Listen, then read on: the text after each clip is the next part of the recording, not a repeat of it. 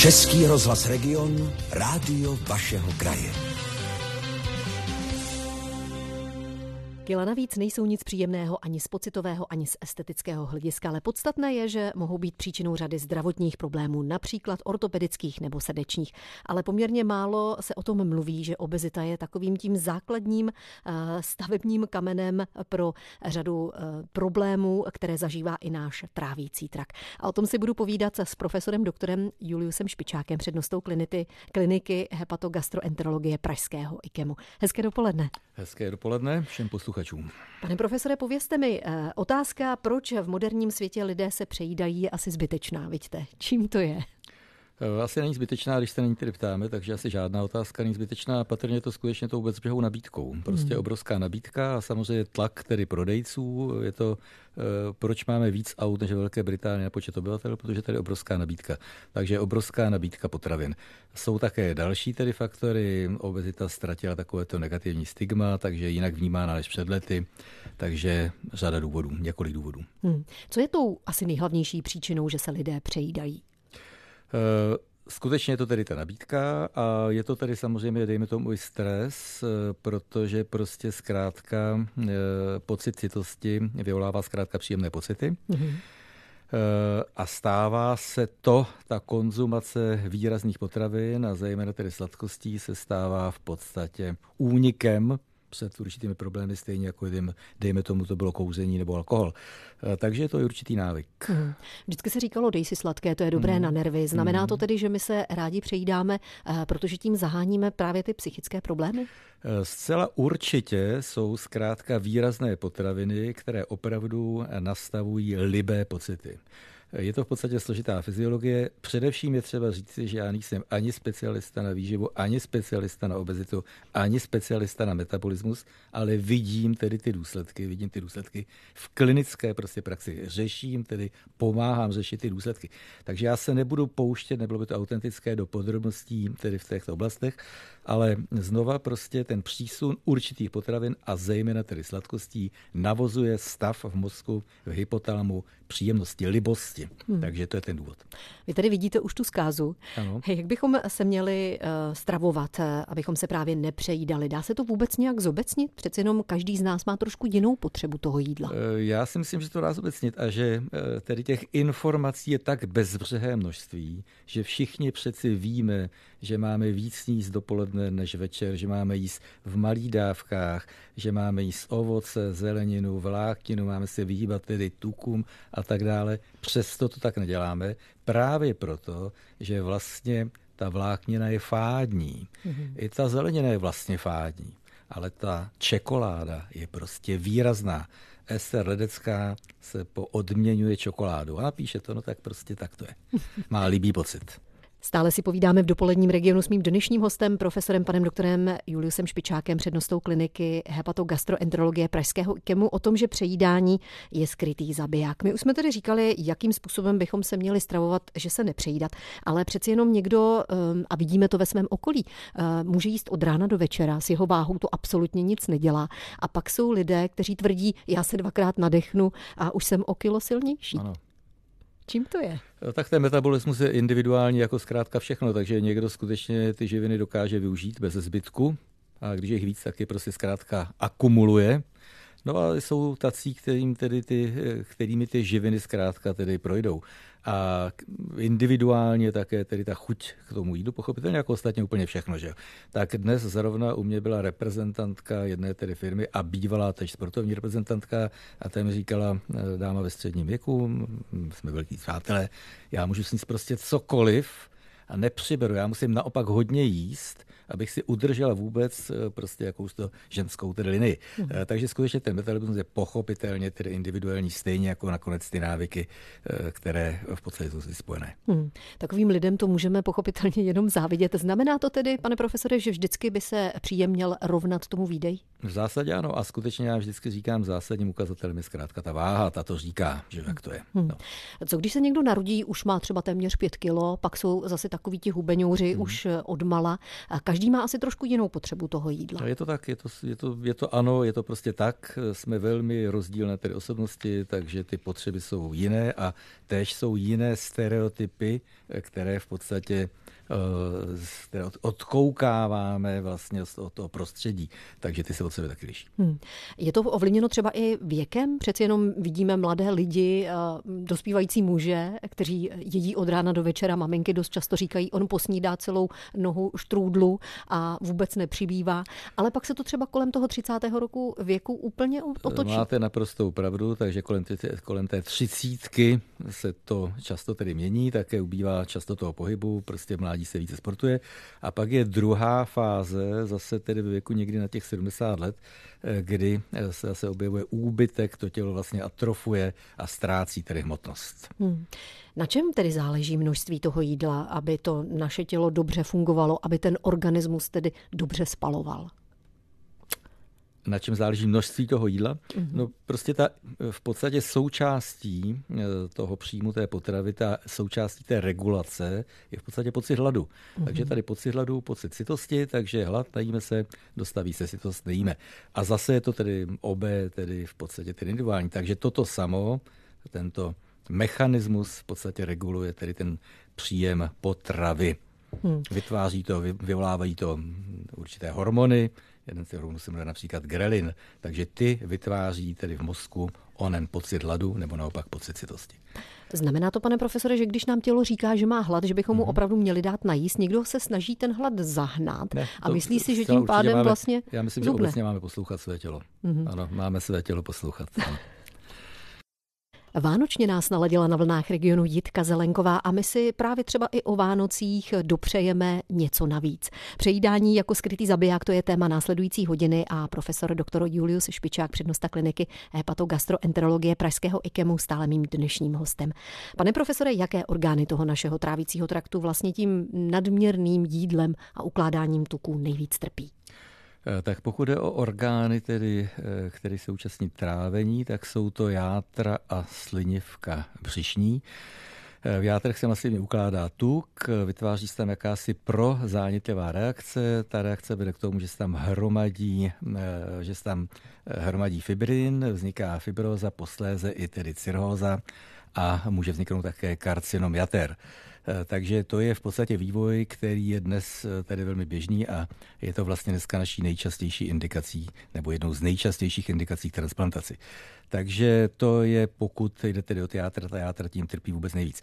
Pokud o slinivku, tam se také hromadí tuk, ale nemá to takovéto tedy devastující účinky, takže na slinivku více podobně nakonec jako na játra působí alkohol. Takže dominantně je to skutečně to poškození těch jater. Hmm, to znamená, že potom špatně pracují? Eh, a ty játra ve finále selžou. Mm. Takže ta cirhóza se nakonec pak chová úplně stejně jako jakákoliv jiná cirhóza, jako cirhóza v důsledku hepatití nebo v důsledku alkoholismu, prostě játra přestanou fungovat. Hmm. Co naše... se komplikace. A co naše střeva? Jak zažívají naše střeva? Střeva v podstatě si s tím poradí a uh, tam v podstatě samozřejmě přejedení vyvolá jakýsi pocit nevůle, ale v zásadě ty střeva s tím nemají problém. Hmm. Jak to poznáme, eh, že už máme opravdu závažný zdravotní problém? Je to ta váha. Hmm. Takže jednoduše váha je naprosto zásadní tedy ukazatel, takže samozřejmě e, při té nadváze by mělo e, by měla být pravidelná tedy vyšetření, vyšetření tedy jaterních testů a e, pak tedy další tedy sledování toho pacienta podle toho, jak tedy se v podstatě ty testy, jaké, jaké budou výsledky toho základního vyšetření. Ale někteří obezní lidé tvrdí, že jsou v pořádku, že je to se tak, cítí může tak být spokojení. skutečně, ano, ku podivu jsou, jak znova musím říci, je v tom i kus genetiky, takže například na jedné posledních studií, které jsem si teď aktuálně v letadle přečetl ve Spojených států, se zjistilo, že více trpí například Hispánci ve Spojených státech, než eh, tedy američani evropského tedy původu. Takže je to součástí tedy též genetické výbavy. Mm-hmm. Takže skutečně mohou být obézní lidé, kteří mají normální jaterní testy, normální hodnoty tuku, normální hodnoty cukru. Když už tedy ty hodnoty normální nejsou, k mhm. jakému lékaři nás eh, asi předpokládám nejspíš praktický lékař eh, pošle? Eh, určitě by stálo za to, aby ho viděl obezitolog, psycholog, pokud je to maximální. Pokud je ten zásadní problém skutečně tedy ta obezita, tak určitě psycholog, obezitolog, který by měl nastavit v podstatě tedy ta léčbu, která je velmi variabilní, na jím konci je, dejme tomu, až chirurgický tedy zákrok, který dneska hodně nahrazují zákroky tedy endoskopické, ale samozřejmě tedy dieta a skutečně ta psychologická poradna. Pak jsou tedy postižené jednotlivé orgány a samozřejmě by se o to měl starat specialista, takže srdce kardiolog, hypertenze, praktický lékař, eh, já teda tedy gastroenterolog, hepatolog. Hmm, když už tedy se potvrdí ta diagnoza, že no. máme závažný zdravotní problém, co pacienta čeká? Jaká léčba? No, skutečně na svém na konci je tedy ta chirurgická léčba, která je velmi efektivní, takže vůbec nejúčinnější, když věci maximálně zjednoduším, nejúčinnější léčbou obezity je chirurgická léčba, kdy se vlastně obejde část žaludku a podstat, část žaludku a část tedy střeva, takže se zkrátí eh, tedy ta možnost tedy té, toho střebávání tedy těch živin. Kromě toho se také zasahne do metabolismu produkce určitých tedy hormonů, protože střevo je velmi aktivní tež svou hormonální tedy produkcí. Takže to je na samém konci a je to rozhodně léčba tedy nejefektivnější, nicméně léčba, která je zátěží pro ten organismus a která sama může přinést další tedy komplikace. Ještě chvíli si budeme povídat o přejídání jako o skrytém zabijáku s profesorem doktorem Juliusem Špičákem, přednostou kliniky hepatogastroenterologie Pražského IKEMu. Zmínili jsme tady genetiku, zmínili jsme také možnosti léčby. Možná e, jsme tak nějak všichni ehm, v očekávání, že lékaři přijdou s něčím zázračným, s nějakou pilulkou, my proto nebudeme muset vůbec nic udělat a budeme zdraví a štíhlí. To asi nejde, ale určitý pokrok e, tady je.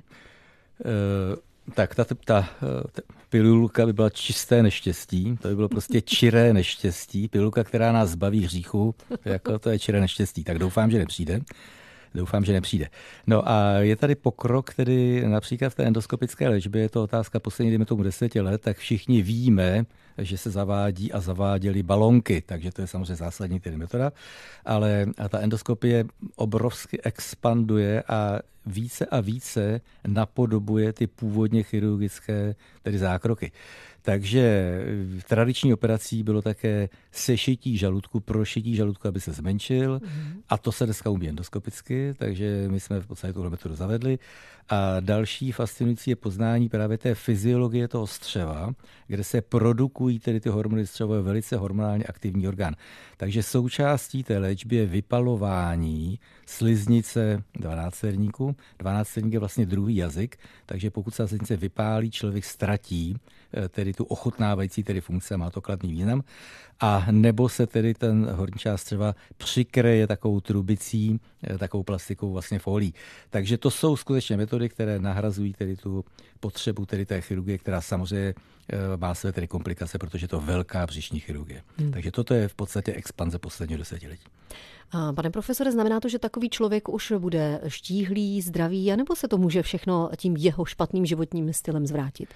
Eh, velmi často se objevuje to, že v první fázi se objeví tedy pokles váhy a po čase zase znova, je to tedy bez té psychologie, to nejde. Mm-hmm. Takže zásadní opatření je skutečně prostě ten psycholog, obezitolog, protože jinak skutečně velice běžně se vlastně ten organismus zase po čase jinak nastaví, naučí se s tím zase jinak tedy hospodařit s tím příjmem potravy a objeví se znova tedy ten přírůstek váhy. Hmm.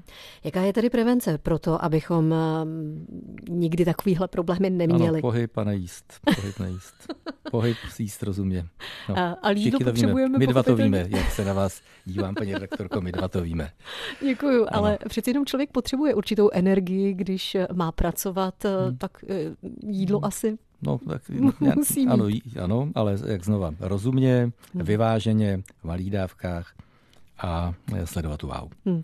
Dost často asi také slýcháte od svých pacientů, my to máme v rodině, protože hmm. všichni u nás byli tlustí. Ano. Nejsou to třeba jenom trošku návyky k tomu stravování? Je to, je to, samozřejmě je to tak, je to tak a je to zase znova prostě únik. Je to to pokrytectví, je to to usnadnit si, eh, tedy v podstatě život nebojovat s tím.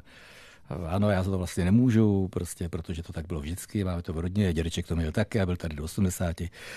Eh, takže to vidíme zcela běžně, ano. Hmm. Vy jste zmínil pokrytectví, možná ale také dost často slýcháte, že hmm. Eh, silnější lidé jsou vlastně šťastní. Oni tvrdí, že mají obalené nervy hmm. a že nejsou tak vynervovaní jako lidé štíhlí. Eh, nevím, jestli taková studie existuje, takže zase schovávají se za to, je to to pokrytectví, nevím. Je to, nakonec si člověk uvědomí, že to je podobně jako s tím alkoholismem. Mm-hmm. Také si hledám v podstatě důvod. nějaký důvod, nějakou příčinu, nějakou záminku a také to skrývám. Také to skrývám. Stejně alkoholik nepřizná, kolik pil a obecně člověk nepřizná, kolik jí to vidíme na svém okolí zcela běžně. Hmm. Myslíte si na závěr z vašeho pohledu, pomohlo by společnosti, kdybychom nežili tím konzumním způsobem života a kdyby opravdu toho jídla nebylo tolik? Pomohlo, ale prostě tak tomu není a patrně nebude. Je tady určitý vývoj který všichni vidíme. Tak možná o těch vánočních svácích bychom ano, mohli trošku zmírnit. Ano, méně toho cukroví. tak já vám moc děkuji za spoustu zajímavých informací, které jste nabídl našim posluchačům k dnešnímu tématu. Popřiju vám poklidné vánoční svátky a především hodně zdraví do nového roku. Eh, paní redaktorko a vám všem posluchačům hodně zdraví a pozor na to jídlo, na alkohol. Děkujeme moc. Mým hostem byl profesor dr. Julius Špičák, přednosta kliniky hepato, hepatogastroenterologie Pražského IKEMu.